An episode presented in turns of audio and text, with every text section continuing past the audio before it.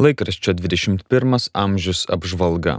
Naujausiame 21 amžiaus numeryje rasime popiežiaus Pranciškaus kelionės į Kanadą apžvalgą. Mindaugas Buika primena, kad šią kelionę jis vardijo kaip atgailos piligrimystę, norėdamas atsiprašyti bažnyčios vardu už krikščionių dalyvavimą įgyvendinant kolonijinę čia buvių genčių asimiliacijos bei diskriminacijos politiką. Apžvelgiamos šventojo tėvo išsakytos mintys apie susitaikymo svarbą.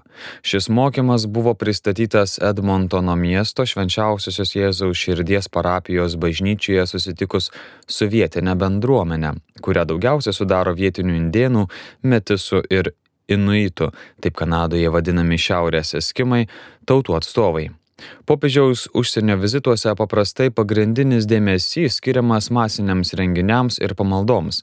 Tai vyksta didelėse katedrų, aikščių, stadionų ir kitų arenų erdvėse. Tačiau aplankydamas švenčiausiosios Jėzaus širdies parapijos maldos namus, popiežius Pranciškus pabrėžė savo artumą vietiniams tikinčiųjų bendruomenėms, norėdamas iškelti jų reikšmę bendrajam religiniam gyvenimui.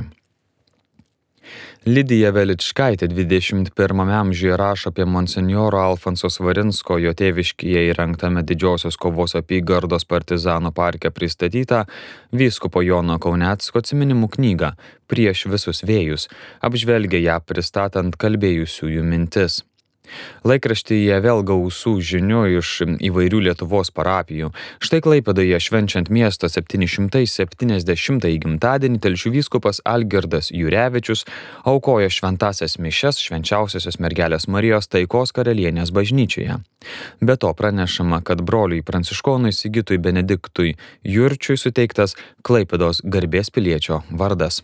Stakliškių bažnyčioje kuningas Laurinas Visotskas aukoja šventasias mišes už šio krašto žuvusius partizanus, o paskui Alšininkų kaime pašventino jiems skirtą atminimo ženklą. Apie plokščiuose vykusius porcinkulės atlaidus, kuriuose trejas šventasias mišes aukojo kunigai Artūras Sederevičius, Arnas Budrius ir Arvidas Liepa, rašo Romas Bacevičius. O apie tai, kad sudargę į bažnyčią susirinkusius pradžiugino ūkininkai Regina ir Jurgis Miliūnai, pasakoja Stasė Jasaitinė. Kunigo Zenono Stepanausko aukojimuose mišiuose kviesta prisiminti senelius, o po šventųjų mišių Jurgis Miliūnas visiems jiems padovanojo po Saulė gražos žiedą. Pasakojama, kaip skaruliai paminėjo Šventojios Onos bažnyčios 400 metų jubiliejų. Jame lankėsi ir šventasias mišes aukojo kardinolas Sigitas Tamkevičius ir buvę klebonai. Dar rašoma, kad Kalesninkuose minint bažnyčios šimtų metų jubiliejų lankėsi Gardino vyskupas Aleksandras Kaškevičius.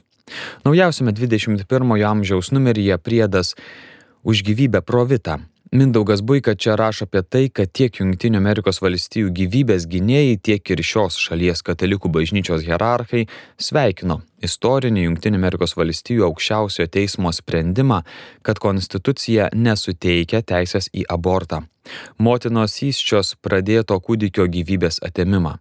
Apžvelgiamas Bostono arkivyskupo Šiono Omalio ganytojiškas laiškas, kuriame jis pabrėžia, kad tiems, kurie daug rašė, veikė ir žygiavo kasmetinėse sostinėje Vašingtonė rengiamuose eitynėse už gyvybę bei meldėsi, kad būtų atšauktas 1973 m.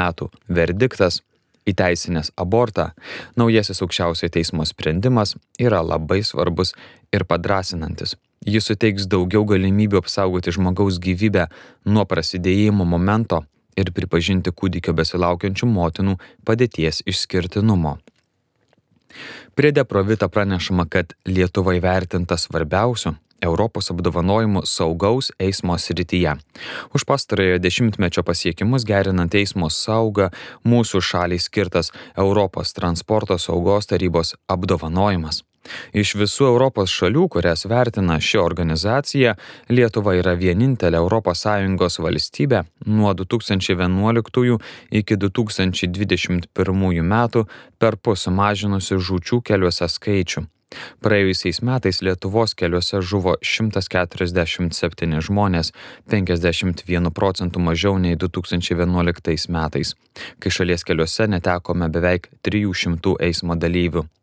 Tarp šios tarybos vertintų kitų ne ES šalių daugiau pasiekė tik Norvegija, žučių skaičių sumažinusi 52 procentais. Priede provita yra daugiau tekstų gyvybės saugojimo tema. Štai keli. Ar galime išgydyti plaučių vėžį arba jo išvengti? Tabako rūkimas sukelia apie 80-90 procentų visų plaučio vėžio atvejų.